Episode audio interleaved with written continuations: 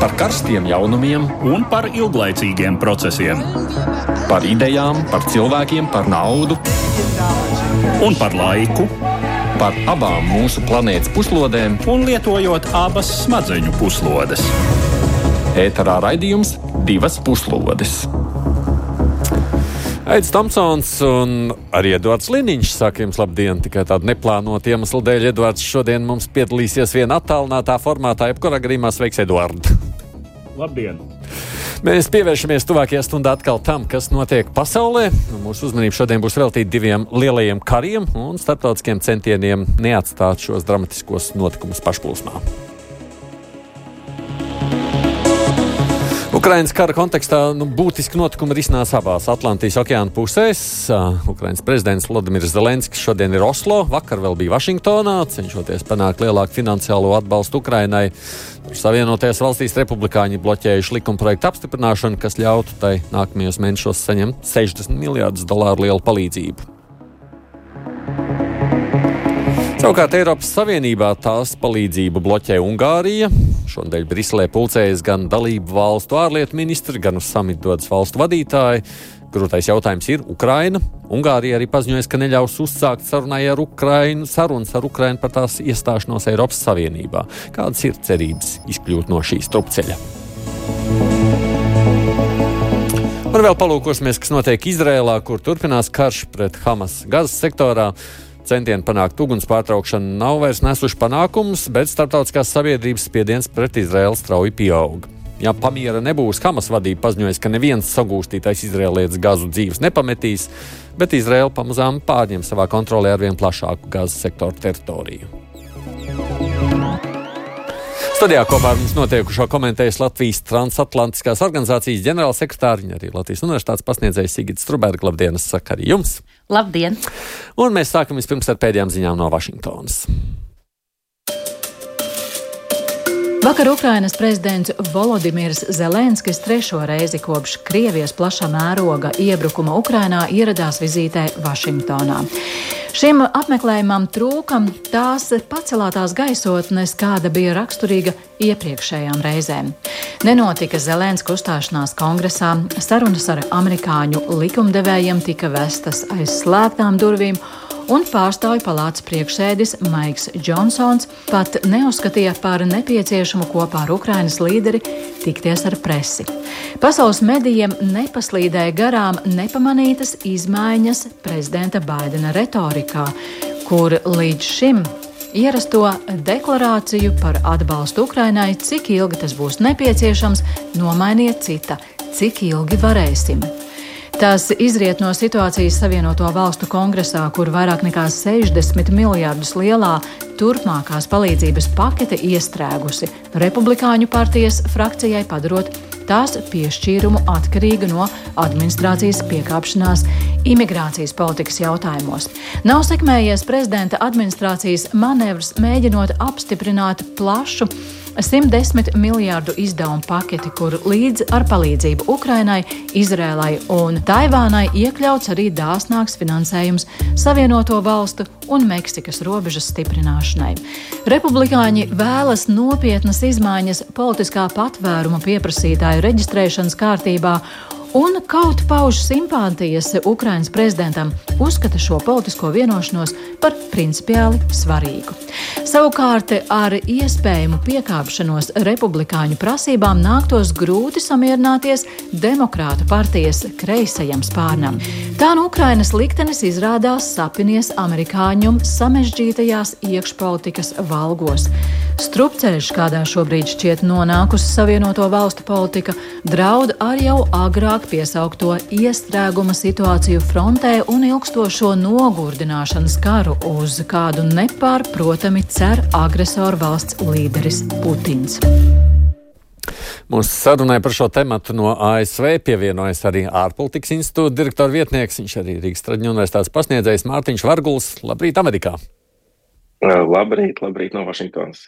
Kāds tad būs tas 60 miljardu paketes liktenis? Beigās saņems Ukraina, varēs turpināt saņemt šo ASV atbalstu, kā izskatās no Vašingtonas?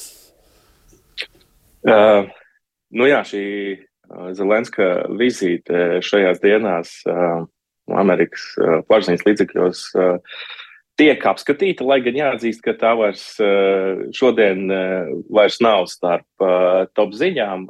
Tā iemesla dēļ, ka priekšplānā izvirzās iekšpolitiskie jautājumi, Izrēla, kas liecina arī par to, ka kopumā tas sabiedrības un, un plašsaziņas līdzekļu skatījumā aktualitāte, Ukrainas aktualitāte, diemžēl, mazinās. Es gribētu cerēt un domāt, un es arī vairāk noslēgtos uz to, ka 70 miljardi, nu, kaut kāds kompromiss noteikti Džo Baidenam būs jāmeklē. Iespējams, ne pilnā apmērā 70 miljardi, potenciāli 50, kas ir izskanējuši arī no pašu demokrātiem, vai vēl kāds mazāk cipars, bet, bet atbalsts būs. Tajā pašā laikā skaidrs, ka tur būs kompromisa. Uh, elementi, nu, piedāvājot arī uh, republikāņiem vai republikāņu uzstādījumu attiecībā uz robežu kontroli, palielināt robežu kontrolai uh, ievērojumus uh, finanšu līdzekļus.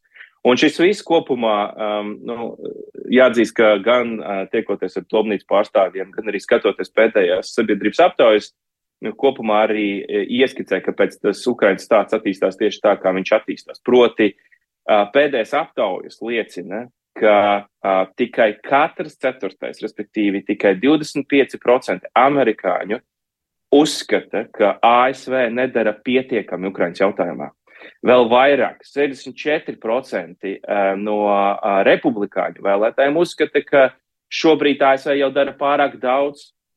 Un skaidrs, ka šobrīd priekšvēlēšana kampaņā, kad sāks ļoti aktīva republikāņu uh, prezidentu cīņa, nu šīs uh, tiek izmantots kā politisks elements. Proti, ja nav sabiedrība atbalsts, uh, tad mēs norādām uz korupciju, mēs norādām uz plāna trūkumiem, mēs norādām uz to, ka mūsu pieeja bijusi neefektīva, vēl papildus 6 miljardi ar kādu nolūku, kādu stratēģiju, un visi šie jautājumi tiek likt priekšplānā.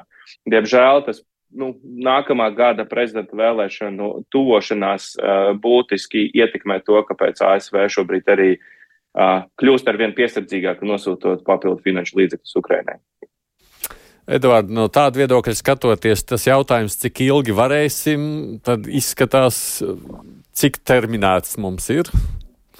Nu, droši vien, ka prezidents Baidens jau darīs, kas ir viņa spēkos, lai vismaz līdz viņa termiņa beigām, nu, teiksim tā, cerot, protams, ka viņu varētu tomēr pārvēlēt arī uz otro prezidentūras termiņu, bet, nu, tā tad līdz nākamā gada beigām, es domāju, tā varēšana tā vai citādi pastāvēs, un es piekrītu piekrītu arī iepriekšējiem runātājiem, cik tālu es domāju, ka visdrīzāk tiks meklēts kāds kompromiss un demokrātu, nu, teiksim, tam kreisākajam spārnam nāksies samierināties ar kādu piekāpšanos republikāņiem, uh, saprotot uh, tomēr to svarīgumu, kāds ir ASV atbalstam Ukrainai. Eh, kas būs tālāk, nu, to mēs un visa pārējā pasaule ļoti gaidām. Kāds būs Savienoto Valstu prezidenta vēlēšana rezultāts un kas tad varētu notikt? Nu, līdz šim, teiksim, tas jau arī nav nekāds noslēpums, ka potenciālā prezidenta Trumpa retorika eh, īpašas cerības nevieš.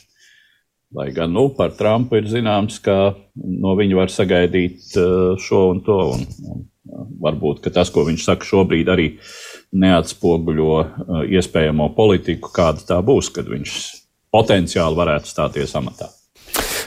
Kāds, Strunke, kundze, jums tas sajūts pēc vakardienas ziņām, jeb noskaņojums, kāds izskatās? Nu, sajūtas, es teiktu, ka ir divējādas. Uh, jo no vienas puses uh, man te ir jāpiekrīt iepriekš teiktajam, uh, ka visticamāk jau vairums republikāņu atbalstīs to, to, to palīdzības paketi. Jautājums, kādā apjomā, jautājums, kas tiks iztirgots. Šis ir vēl viens gadījums, kad mēs redzam, ka Ukraina kļūs par ķīlnieci politiskajām sarunām un politiskām tirgošanām. Orbāns ir otrs, jā, tāds izteikts pilns piemērs, par ko mēs parasti pieminam. Tas ir viens. Bet otrais, ka, tā kā jūs jautājat par sajūtām, tās skumjas ir par to, kas šobrīd notiek Ukrainā. Un jautājums ir par to, kā Ukraiņas sabiedrība nolasa šo tirgošanos. Šobrīd tas, ko mēs redzam, ka Putinam, Putinam šīs cerības par nogurumu no kara piepildās ātrāk nekā varbūt pat varētu bijis prognozēt. Nav pagājuši divi gadi. Mēs jau runājam par tādu nogurumu, ka, ka vairs cik nu varēsim, palīdzēsim, un, un, un ka atbalsts mazinās, un tam līdzīgi. Un šis kopā ar trauksmi Ukraiņas iedzīvotāju vidū par ziemu kas, kurā tie jau atrodas un vēl augstāks laiks nāk, plus šobrīd tās gan Kijavas, gan citu vietu apšaudes, tā skaitā ar balistiskām raķetēm, rada papildus trauksmi, papildus pesimismu Ukraiņas iedzīvotāju vidū un arī papildus vilšanos rietumos kas vēlāk var arī negatīvi atspēlēties. Līdz ar to šeit nu, Putins zināmā mērā ir ieguvējis, ņemot vērā, ka tiešām šis nogurdinošais kars, karš ir izrādījies ātrāk nogurdinošs nekā varēja uh, iedomāties. Uh, Lūk, bet par ASV atbalstu ir jāatcerās, ka tas tiešām ir kritiski nozīmīgs. Bez ASV atbalsta Ukrainai paši Ukraiņi saka, ka tās izredzes ir mazas, bet es būtu uzmanīga ar tām prognozēm par Trumpu, un te pa, pamatoti Liniņa kungs norādīja, ka no Trumpa jau var dažādi gaidīt. Ja mēs atminamies Trumpa iepriekšējo periodu, tad vismaz Baltijas valstīm, lai kāda bija tā retorika, tie lēmumi attiecībā uz Baltijas valstīm nebija nemaz tik negatīvi. Un tāpēc Es domāju, ka, protams, ka Baidens būtu labāks kā prezidents Ukrainai, bet uh, es noteikti. Uh, Man liekas, ka būtu pārsteidzīgi teikt, ka viss ir zaudēts gadījumā, ja Trumps nāk pie varas. Mm. Bet, ja mēs runājam par Ameriku, Varguļkungs, kā tur ir, tur personības lomas ir lielas, arī, pieņemsim, runājot par pašu Zelenski. Nu, tur ir kaut kāda vilšanās varbūt arī viņā?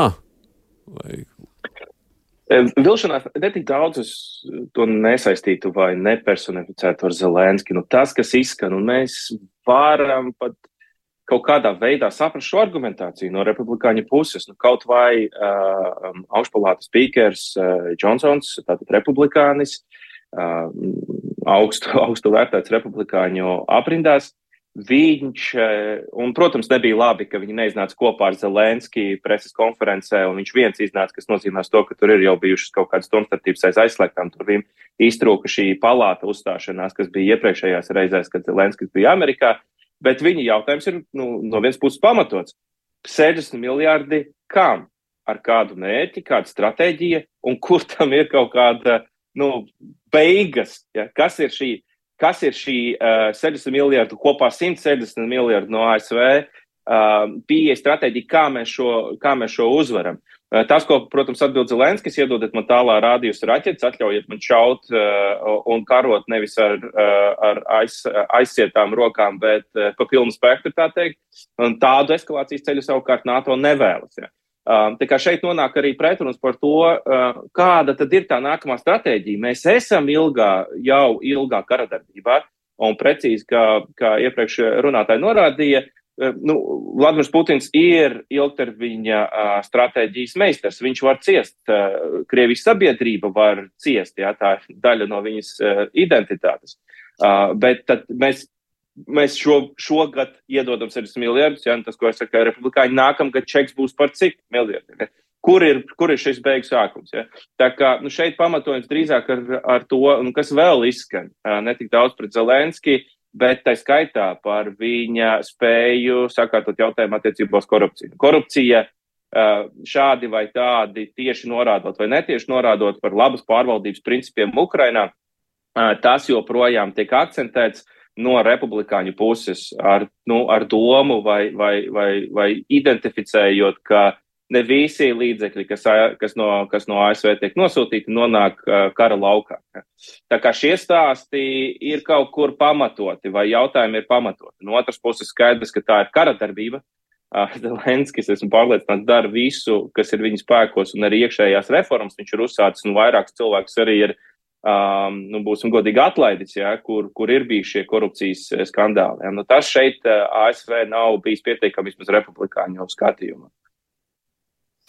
ja mēs skatāmies, nu, labi, Zelenskis brauka apkārt pa pasauli, pirms tam tur Argentīna, tagad Oslo, viņš var ko šajās sarunās izdarīt vai panākt?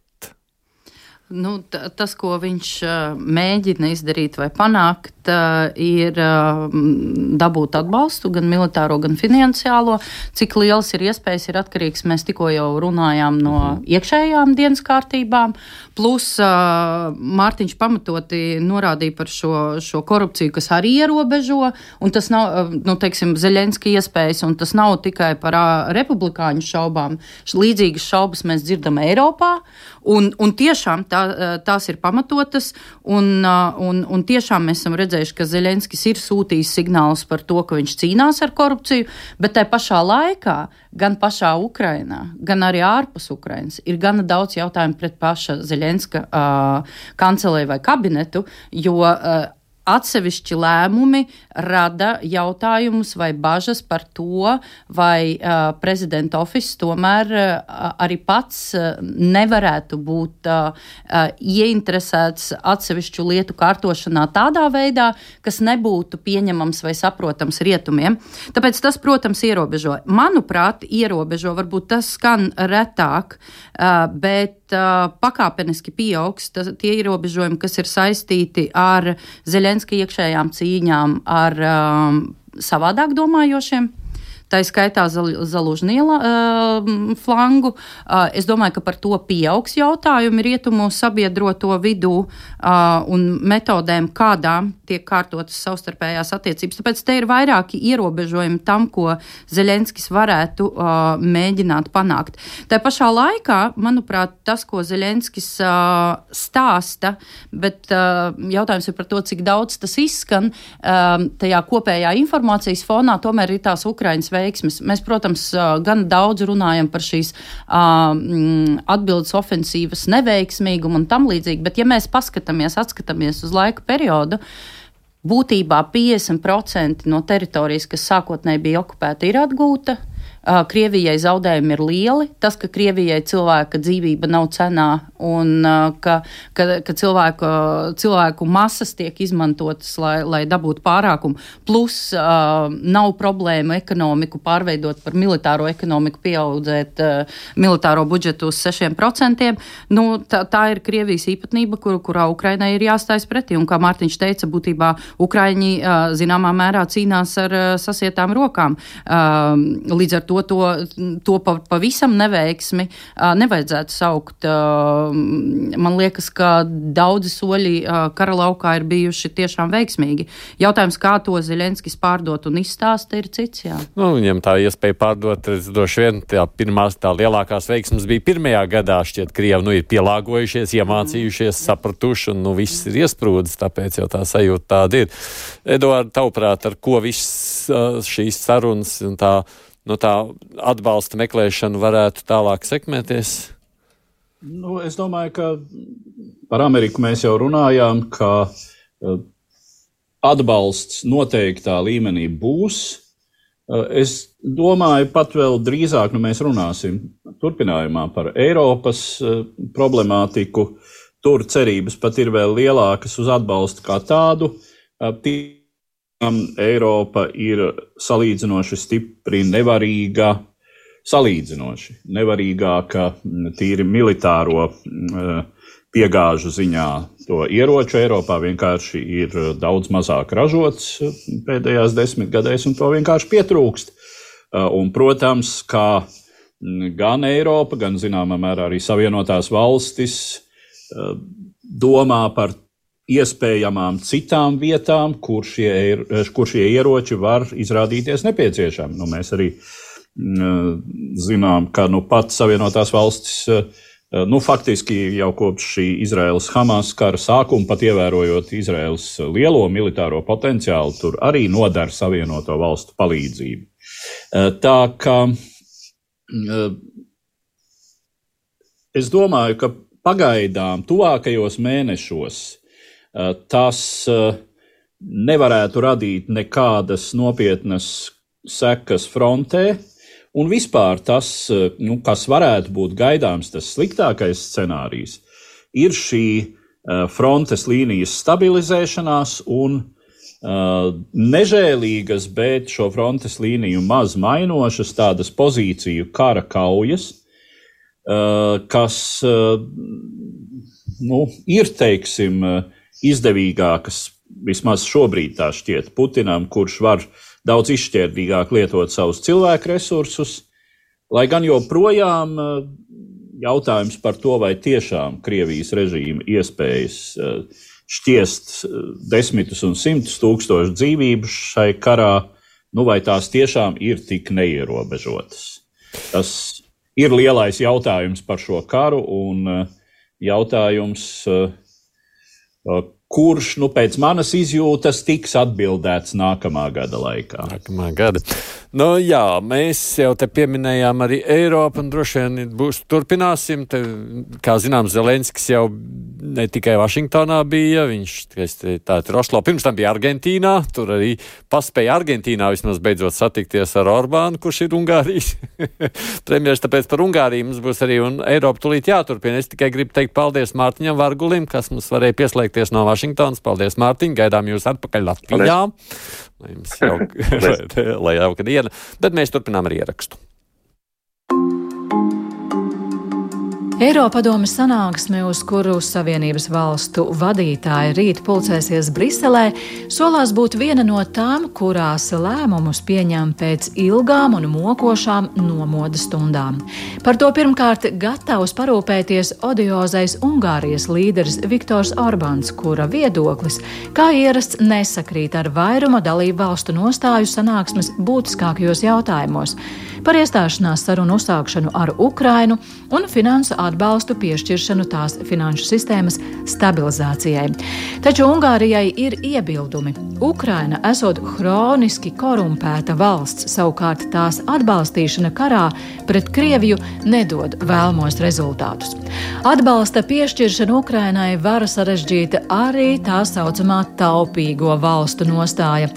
Tās ir turīgās savienības valstis pamatā no Eiropas ziemeļiem, kuras ir gatavas atbalstīt Ukrainu tikai mazinot citas savienības kopa budžeta pozīcijas. Dalībvalstis gan var sniegt Kijivai atbalstu uz divpusēju nolīgumu pamata, taču tas būtu vēl viens trieciens Eiropas Savienības kā vienota veseluma reputācijai. Kas attiecas uz iestāšanās sarunu sākumu, tad Budapeštas valdonis divās nesenās vēstulēs Eiropadomas priekšsēdētājam Šārlam Mišelam paziņojis, ka nepiekrītot tādu uzsākšanai. Ukraina nesot gatava iestāties, tā esot pārāk liela valsts, kuras lauksaimniecības ražojumu iepludināšana kopējā tirgu destabilizēšot visa bloka ekonomiku. Savu pozīciju Orbāns raksturo kā principiālu nostāju vēsturiskas izšķiršanās sakarā, ko nemainīšot kāda vienošanās par Briseles līdz šim aizturētā desmit miljardus lielā atbalsta apjoma piešķiršanu Budapeštai. Tomēr, kā norāda daudzi, Tā skaitā Ungārijas opozīcijas pārstāvji visa šī vēsturiskā principialitāte izrietot no Orbana vēlmes pakalpot Krievijas vadonim Vladimiram Putinam. Ukrainas ārlietu ministrs Dmitro Kuleba izteicies, ka pat nevēloties domāt par tām graujošām sekām, kādas viņa valstī nestu Eiropadomes, nespēja vienoties par pozitīviem lēmumiem minētajos jautājumos. divas puslodes. Gādījumā kopā ar mani studijā ir arī Latvijas transatlantiskās organizācijas ģenerālsekretārs Igits Truberga un caur datoru pievienojies Edvards Liniņš. Ar ko beigsies, jūsuprāt, šī Eiropadomas sanāksme? Nu, es teiktu, ka līdzīgi kā ar ASV es nebūtu tik pesimistiska. Es domāju, ka Orbāna principialitāti mēs esam redzējuši arī pirms tam. Uh, Orbāns ir meistars iztirgot uh, to, kas, uh, to, kas viņu interesē. Un, un te jau atkal, kā mēs iepriekš runājām, principā mēs redzam tādu, tādu tirgošanās. Ja? No vienas puses šodien parādījās arī no Eiropas parlamenta lielajiem politiskajiem spēkiem vēstuli, ka nevar ļaut Orbānam tirgoties uh, saistībā ar, ar, ar tiesu varu ja, un likuma varu. Uh, no otras puses no Orbāna ir uh, parādījušies paziņojumi par to, ka um, Ukraina ir korumpētākā valsts pasaulē un, un varbūt, var noslēgt strateģiskās partnerības līgumu, padziļināt partnerības partnerību, bet tai pašā laikā es domāju, ka abas puses, tik un tā, neskatoties uz abu pušu paziņojumiem, būs gatavas uz kaut kādām sarunām, kas visticamāk tik un tā rezultēsies atbalstā Ukrainai. Mm. Tādā vai citā, bet es nebūtu tik pesimistisks mm -hmm. atkal. Eduards? Jā, nu, es arī piekrītu Sigitai un piekrītu tiem uh, politiķiem, gan Briselē, gan arī Budapeštā, Orbāna opozicionāriem, kuri norāda, ka e, šī principialitāte un e, stingrā veča nostāja e, tātad pozīcijās pret Ungāriju pakļaut gribošo Briseli briesmīgo centralizējošo spēku Eiropā, tātad, ka tā ir lielāko tiesu iekšējai lietošanai. Kā ar to Orbāns apmierina savu elektorātu Ungārijā, savukārt nonācis tai pašā Briselē, un jo sevišķi aiz slēgtām durvīm viņš kļūstot krietni, krietni pielaidīgāks un galu galā kā tas tiešām ir bijis arī dzen, iepriekš, viņš piekāpjas. Nu, tāds viedoklis ir izskanējis gan ne tieši tādiem vārdiem, tā mazliet, mazliet teiksim, maigākiem izteicieniem, gan no Šārla Mišela, tātad Eiropas padomes prezidenta, gan arī no Beļģijas premjerministra Aleksandra De Krū Eh, kuri eh, tā mierinot ir teikuši, ka gan jau sarunāsim, gan jau pielauzīsim eh, Orbānu. Nu, redzēsim, nu, protams, teiksim tā, tas, kas varbūt var darīt tramīgu, tramīgus visus Ukrainas draugus un atbalstītājus, ir tas, ka šis ir moments, kad Putins patiešām varētu mēģināt iedarbināt visas iespējamās sviras, lai um, Ukrainu, lai, lai šo palīdzību Ukrainai minimizētu. Uh, iespējams, ka Kremlis saskata šai situācijā savu lielo ārpolitisko izdevību, un tad ir jautājums, nu, cik liela ir Kremļa ietekme uz Budapeštu, uz Orbānu cik viņš patiešām ir Putina pakalpiņš šai situācijā, cik tālu viņš ir gatavs pa šo slideno taciņu iet. Nu, jūs teicāt, Sigit, ka kaut ko tad varētu tad satirgot. Ko tad tur var iztirgot? Nu, ko viņam tā tad iedot naudu vairāk? Jā, jā, tā, tas ir arī tas, ir tas galvenais jautājums. Iesaldētie desmit miljardi. Uh, ko tad, ko tad Orbāns arī mēģina iztirgot. Un viņš arī ir bijis šai ziņā diezgan veiksmīgs kopumā. No vienas puses, jā, es piekrītu Edvardam, viņi kopumā, ja mēs paskatāmies uz balsojumiem Eiropas parlamentā vai, vai kopējiem lēmumiem, kaut vai divu, divu šo divu pēdējo gadu griezumā, nu, principā jau nu, ir panāktas tās kopējās Eiropas pozīcijas. Bet tajā pašā laikā, paskatoties ilgākā laika periodā, Orbāns ir spējis es pat teiktu, vairāk nekā citas nosacīti jaunās dalību valstis iegūt no dažādiem Eiropas finansējumiem, un es domāju, ka viņš šo tirgošanos arī turpinās. Bet um, te jau ir redz, divas dimensijas. Vien, viens ir tā nauda, otrs ir iestāšanās sarunas. Jā. Jā, tāpēc, tāpēc tie jautājumi ir divi, kas šonadēļ ir būtiski. Nu, lūk, un tad, ja runājam par abiem, kurš tad varētu radīt lielākas grūtības? Īstermiņā, Redz, protams, es domāju, nauda. ka Edvards ah, domā, ka nauda īstermiņā. Nu, īster, īstermiņā nauda. Grūtības. Bet, jā, bet ilgtermiņā saprotams, nu, respektīvi tādā nozīmē, ka ja Ukraina šobrīd nesaņem naudu, nesaņem šo atbalstu, tas ir ļoti nopietns trieciens, ļoti nopietnas problēmas. Mm, kas um, sarežģīja gan uh, vispār finansiālo situāciju, gan arī ietekmē neizbēgam aizsardzības spējas. Bet uh, tālākā perspektīvā, protams, arī mm, Ukrainas sabiedrības vilšanās, uh, tai Eiropas gatavībā Ukrainu uzņemt savā saimē, ilgtermiņā tai, protams, būs arī ļoti negatīvi rezultāti. Tas viss jebkurš negatīvs lēmums šai gadījumā, protams, pie kam, teiksim, miera laikā tādam atteikumam šobrīd sākt iestāšanās sarunas visdrīzāk nebūtu tik negatīvu seku, kā tas ir šobrīd. Jo ar visu to nastu, kas jau ir uzkrauta Ukraiņas sabiedrībai, saņemt vēl tādu mm, netīkamu signālu no, no Eiropas, redzēt, ka viens tiešām Putina draugs var dancināt veselu savienību, nu, tas, tas, var, tas var arī Ukraiņas sabiedrībā radīt attiecīgi nu, negatīvas sekas, bezcerība, nu, respektīvi cerību iešana mazumā. Nu, labi. Tajā pašā jā. laikā par ko vieglāk būtu sarunāt eh, ar eh, Orbānu, Strubergs kundze? Es domāju, ka par naudu būs īstermiņā, manuprāt, vieglāk sarunāt. Būt jā. vieglāk, bet redz, man liekas, ka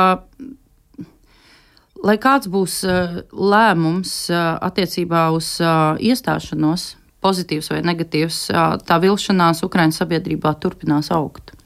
Jo pat pozitīvi, un, un, un tas būs, protams, daļēji par Orbānu, bet tas būs arī lielā mērā par pašu Eiropu.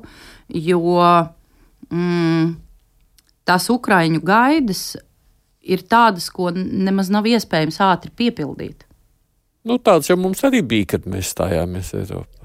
Mēs tomēr bijām fundamentāli citā situācijā, pie kam atsaucoties uz miera laiku, kas tika pieminēts, redz, līdz 24. februārim tā vilšanās Eiropā bija tik liela, ka Ukraina pieaugoši to brīdi runāja par uh, skatīšanos uh, ne gluži Krievijas, bet citu austrumu virzienā un citu ārpolitikas trajektoriju meklējumos un sadarbības partneru meklējumos.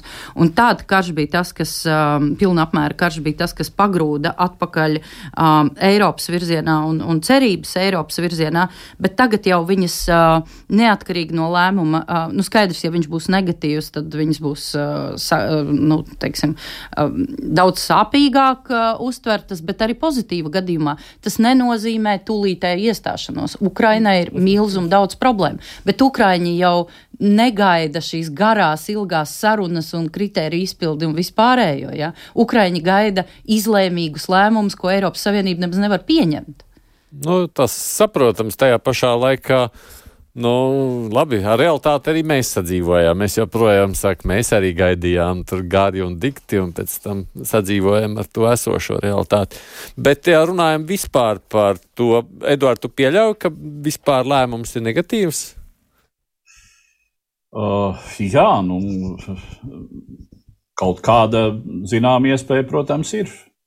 Ka lēmums ir negatīvs, jo sevišķi nu, tur ir teiksim tā, ir, ir arī vairāku citu mm, eh, valstu pozīcijas, kuras eh, arī nav viennozīmīgi pozitīvas. Nu, ir, ir piemēram Austrijas pozīcija, kas arī nav teiksim, Ukrainai ļoti labvēlīga, respektīvi Austrijai ir savas intereses. Austrija, protams, atbalsta Ukrainu, cik nu, tas ir tās iespējas. Bet, uh, Nu, šīs dienas Augu... ziņa ir, ka Austrija laikam ir apturējusi to nākamo sankciju paketi, pagaidām nav pieņemta. Ja? Bet, bet vēl es gribēju tikai pavisam īsi papildināt, ka šāda veida prognozēšana ir ārkārtīgi nepateicīga lieta. nu, nu, vienkārši super nepateicīga. Jo paši lēmumu pieņēmēji, ejot iekšā uz sarunām, nezina to iznākumu. Un tur var būt dažādākie faktori, kas ieslēdzās līdz pat personiskiem kaut kādiem notikumiem vai, vai apstākļiem. Tāpēc, protams, ka ir šī iespējamība, ka, ka, ka, ka var tikt nobremzēts. Viņa vienmēr pastāv un ar tādu pilnu simtprocentu pārliecību nevar iet. Bet mums bija ārlietu ministra tikšanās, vai ne? Vakar, aizvakar, taču jau jau tur ir kaut kāda signāla no turienes nākuši ārā, kurš zina, kāds no jums? Nu, es Edo. pamanīju, katrā ziņā, es pamanīju, eh, kas man šķiet šajā gadījumā nu, vissvarīgākais visā šajā ainā. Tā ir eh, diezgan izteikti konsekventa Vācijas eh, un Vācijas ārlietu ministrs Berbokas kundzes nostāja par labu pozitīviem lēmumiem Ukrainas sakarā. Un, arī kritiski pret uh, Orbāna un Ungārijas valdības rīcību. Uh, tā kā nu, šķiet, ka teiksim, pamatā Vācija, nu, un arī no Francijas mums nenākas gaidīt šajā gadījumā kādus negatīvus pārsteigumus. Un es domāju, tas, kas vēl šo ainu dara cerīgāku, ka tagad jau tur Poliju pārstāvēs tās jaunais premjerministrs. Tas gan jā, tā ir šīs dienas Uzskakums. jaunā ziņa. Bet uh, pabeidzot tikai šo sadaļu, Ungārijai vietu neviens Eiropas Savienībā nevar kaut kā striktāk norādīt. Es domāju, ka pa, pagaidām nē. Drīzāk būtu jāsatraucās, ka Ungārijai sāk pievienoties un redzēsim, kas būs pēc nākošām Eiropas parlamenta vēlēšanām, bet mēs redzam Slovākijas rezultāts. Līdz ar to Ungārijai parādās arī līdzīgi domājošie ja, Eiropā. Tāpēc, tāpēc ar to vietas parādīšanu būtu jābūt gana uzmanīgam. Bet pamatoti bija norādīts par Fra Franciju un Vāciju, jo, nu, lai nu kā būtu, tie ir virzītāji spēki. Un tas pats Makrons, kas 19. gadā nekādi neredzēja iestāšanās iespējas, ja, šobrīd ir skaidri pateicis, ka tas nav jautājums vai, bet kādā veidā. Uh, tāpēc es domāju, ka, ka, ka kopumā pagaidām tās tendences ir pozitīvas. Un savukārt par Eiropas Savienības gatavību uzņemt uh, jaunas dalību valstis patiesībā runā jau no Kopenhāgenes samita 93. gadā, tāpēc tās sarunas nav tas, tas lielākā barjera, kas varētu būt. Mm. Jā, un bez tam tāds varbūt otršķirīgs, bet tomēr šai ainā arī nozīmīgs faktors ir tas, ka mēs nerunājam tikai par Ukrainu, mēs runājam arī par Moldovu, Un Moldovas uzņemšanā, protams, ir ļoti interesēta pirmkārt Rumānija, bet arī uh, pārējās reģionu valstis. Uh, un, uh, teiksim, Ukrainas, Moldovas konteksts šai ziņā arī savu pozitīvu lomu spēlē. Jā. Ir jāatvēl vēl laiks mums vienam tematam šodien, jo Izrēlā turpinās arī karš, un mums pārējās pēdējās pāris nedēļās diezgan maz sanāca to pieminēt, bet nu, tur viss notiek.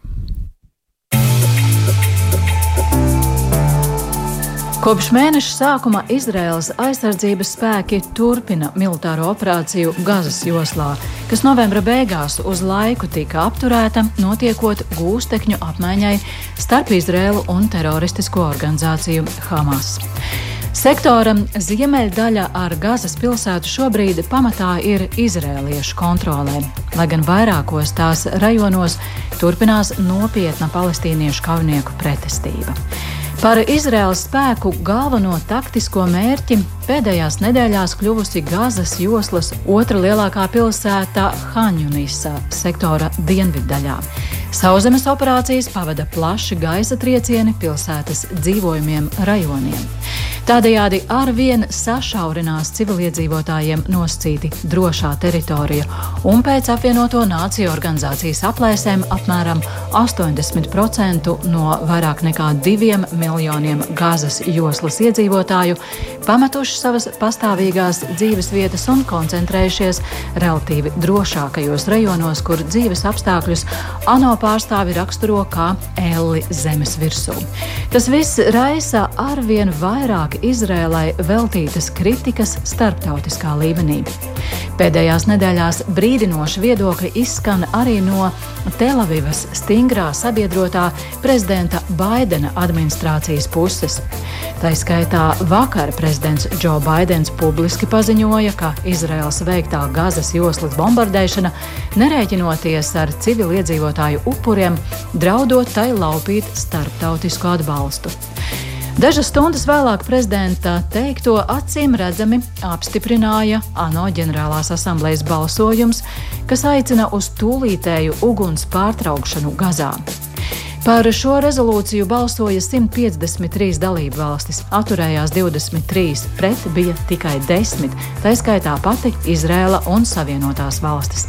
Līdztekus šim diplomātiskajam atbalstam Vašingtona turpina sniegt Telavivai arī militāro, piegādājot militārās operācijas turpināšanai nepieciešamo munīciju. Tomēr, kā redzams, Vašingtona un Telaviva nonāk ar vien lielākā starptautiskā izolācijā, un premjera Netanjahu valdībai būtu jāapsver, vai par militāri taktiskajiem ieguvumiem tā nemaksā pārāk augstu strateģisku cenu, padarot neiespējamu nākotnes dialogu ar palestīniešiem. Edvards, no tavas skatu punkta, lūkojoties, karš starptautiskā spiediena dēļ Gazā varētu tikt pārtraukts?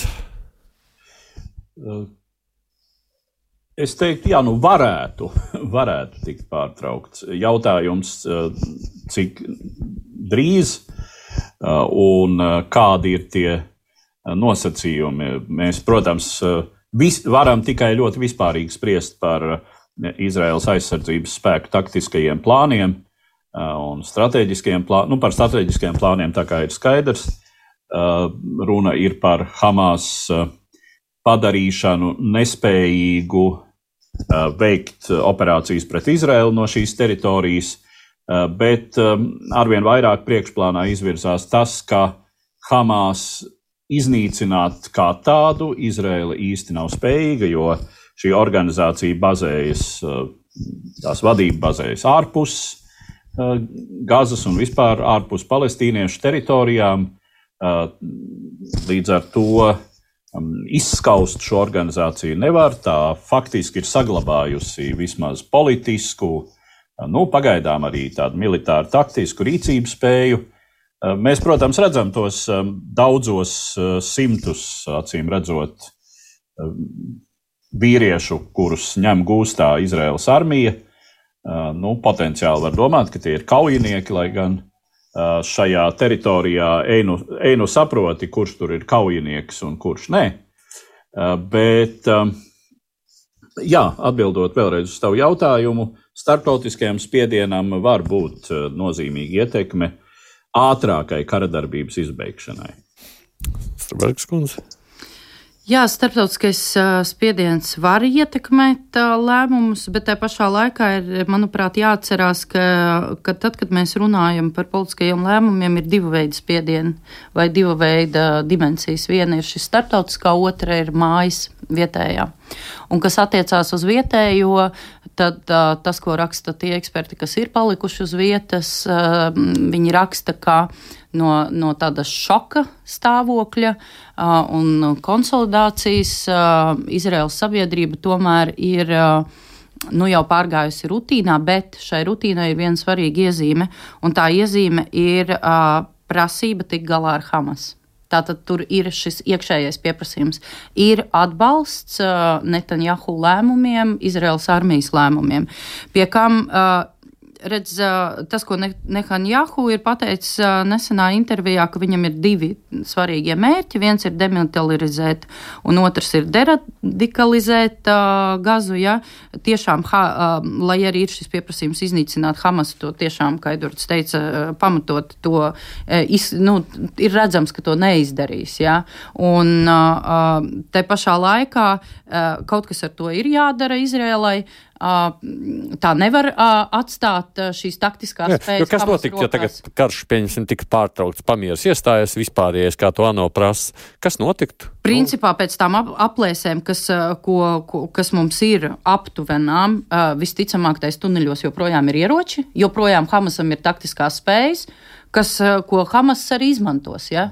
Tā, palikt tāds diezgan bezjēdzīgs kara rezultāts. Ne? Tieši ne, nu. tā. Un tāpēc ir šis slasts, kurā atrodas Izraela, kura zaudē informācijas karā, kurai it kā veicās taktiskā līmenī, bet kas zaudē globāli informācijas karā, un kas, kas arī saprot, ka ilgtermiņā, uh, neiznīcinot Hamas, uh, radikalizācija turpināsies, bet viņa turpināsies arī, ja Hamas iznīcinās vai, vai vismaz noņems tās taktiskās spējas, jo tas civilo iedzīvotāju skaits, kas ir miruši, ir tik liels.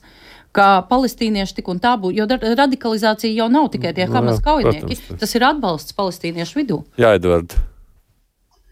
Uh, nu, jā, es, es varu tikai piekrist. Tā ir vienkārši tas lielais jautājums šajā visā sadaļā, bet Izraela nevarēja to, to darīt kaut kā ar mazāku upuriem. Nu, nē, tas, ko... nē, nē, Izraela to nevarēja darīt, es domāju, ar mazāku upuriem. Uh, ja mēs vispār iedomājamies to, kas ir kaujas blīvi apdzīvotā, apdzīvotā vidē, kur pie tam civiliedzīvotāji tur ir uh, nu, vairāk vai mazāk šai vidē iesprostoti, kā zināms. Uh, Nav, tikusi, atvēr, nav tikuši atvērti nekādi koridori, lai šie iedzīvotāji varētu pamest Gazas joslu. Un, ja mēs iedomājamies, ka tur šajā nelielajā teritorijā ir koncentrēta vairāk nekā 2 miljoni, nu, tad Izraela centās šo to darīt. Teiksim, tas, tas, par ko mēs varam puslīdz droši teikt, Izraela mērķtiecīgi neslepkavoja palestīniešu civiliedzīvotājus.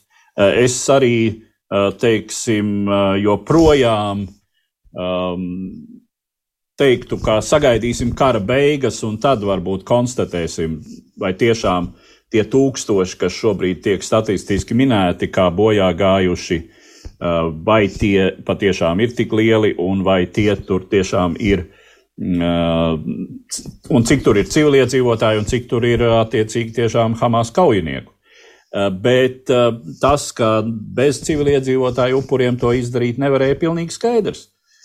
Jo nu, mēs taču zinām, ka tas ir, ir Hamas taktikas sastāvdaļa tieši tā darboties šais blīvi apdzīvotajos rajonos, iespēju robežās pat izmantot civiliedzīvotājus kā dzīvo vairogu.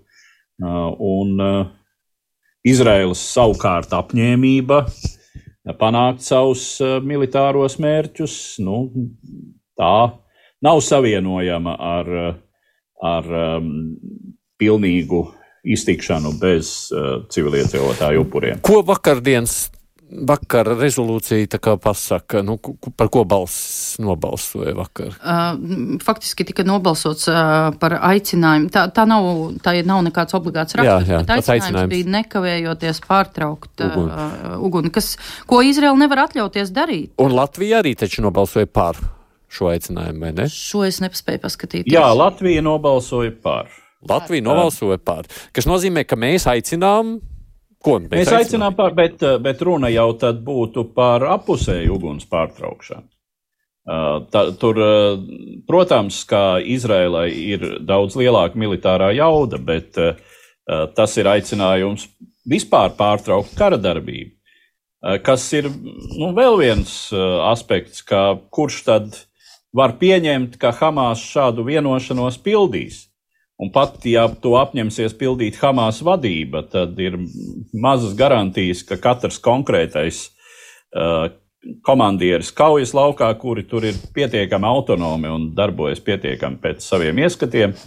Mm, uh, pat ne visi, pat starp citu, piedara Hamas uh, organizācijai un pakļaujas uh, attiecīgi tās vadībai, uh, nu, ka tie uzskatīs par vajadzīgu šādu uguns pārtraukšanu ievērot. Redz, kāpēc oh. to jautāju? Beig, beigās, nu, es nezinu, vai mēs varam vilkt paralēlus tajā visās, nu, bet vai tas nav apmēram tas pats stāsts? Nu, mēs aicinām šobrīd Ukrainu, slēdzam pamieru ar Krieviju un mēģinām tā kā sarunāt. Nu, kaut kur vai nav tas pats apmēram, kaut kāds paralēls nevar vilkt, jo rezultāts tad beig, beigās ir kāds. Status quo tāds, kāds ir.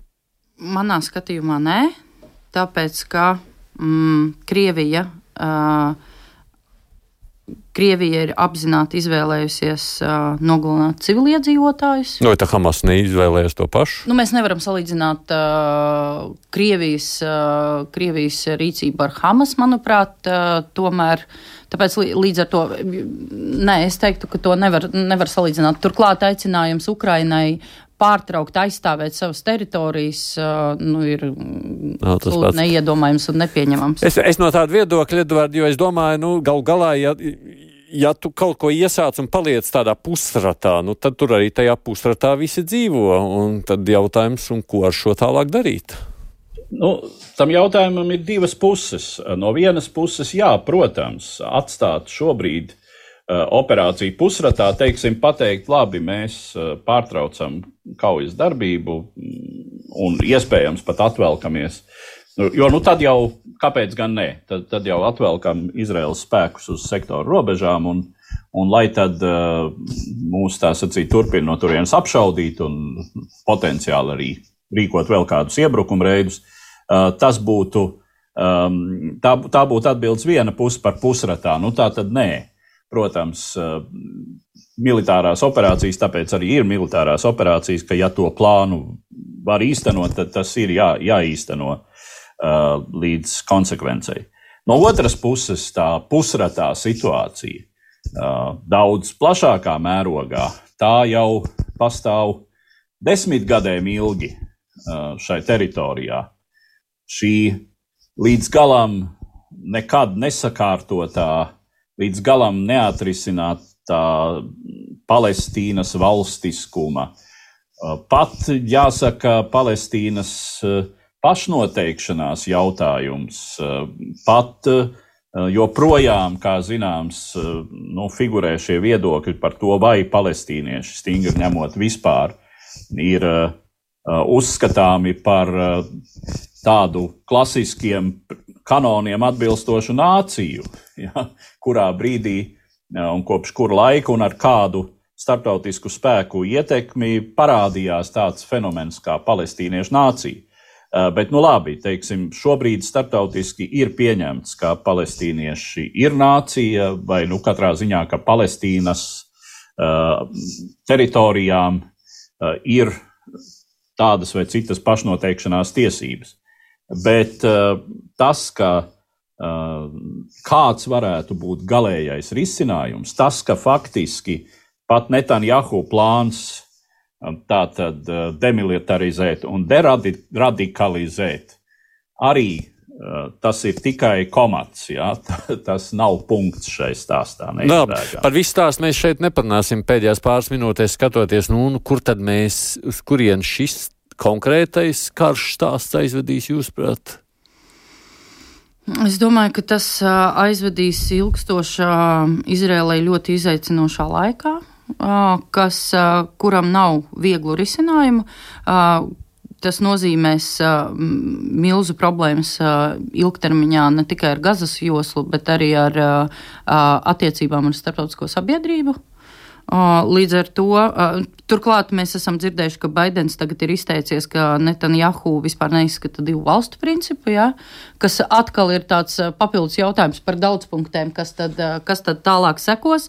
Tāpēc es domāju, tas būs sarežģīts laiks, kurā mēs redzēsim, a, Izrēlai, Izrēlas mēģinājums risināt tik galā ar Hamasu, un B, no otras puses, palestīniešu visticamāk tālāku radikalizāciju un pretnostatījumu. Līdz ar to mm, es domāju, ka tas būs tiešām tāds izaicinošs laiks Izrēlai, ar ko tai nāksies tik galā. Un arī, protams, palestīniešiem, kas atrodas tajā ter teritorijā. Jo tas nākošais ilgtermiņa jautājums, uz ko šobrīd neviens nevar atbildēt, kas tad būs tas? Pieņemsim, pieņemsim Izrēla ātri tagad tiek galā taktiski, ja, iegūst pārsvaru. Bet kas tālāk? Kas pārvaldīs šo teritoriju. Un šai, šai ziņā e, Edvards pamatoti norādīja par šo ilgstošo, kas tālāk neatrisināšanu, jo faktiski de facto Hamas bija radījis tādu savu ekosistēmu jau no, man liekas, ka septītā gada vai pat ātrāk, ja, kas, kura tad pastāvēja, nu, jo visi tā kā noklusēja un, un, un, un ļāva viņam pastāvēt. Ja. Tāpēc, jā, tāpēc šis, šis būs jautājums, kas tālāk, jo, jo arī atstāt Hamas tur, nu, tas ir sliktākais ne tikai Izrēlai, bet arī pašiem palestīniešiem. Par diviem kariem šodien runājam, un abiem ļoti tādu. Nu, nezinu, kā lai pasakā, pesimistiski, trauksmainu un neskaidru perspektīvu. Latvijas transatlantiskās šie kari būs ar mums vēl labu laiku. Ilgu vai ne? Tā saka Edvards Liniņš, ka kari būs vēl ilgu laiku. Viņš šoreiz pieslēdzies raidījumam attālināt, bet studijā Latvijas transatlantiskās organizācijas ģenerālsekretāra Latvijas universitātes pasniedzējs Tigits Struberga. Paldies jums! Paldies! Kā atnācāt šeit! Nu, Studijā šeit arī biju es, Aits Tomsons, mūsu producents ir Ieva Zeiza. Mēs tiekamies atkal nākamnedēļ, turpinām sekot līdz aktuāliem, analizēt un vērtēt, ko nu mēs varam tātad līdz nākamajai reizei. Divas puslodes!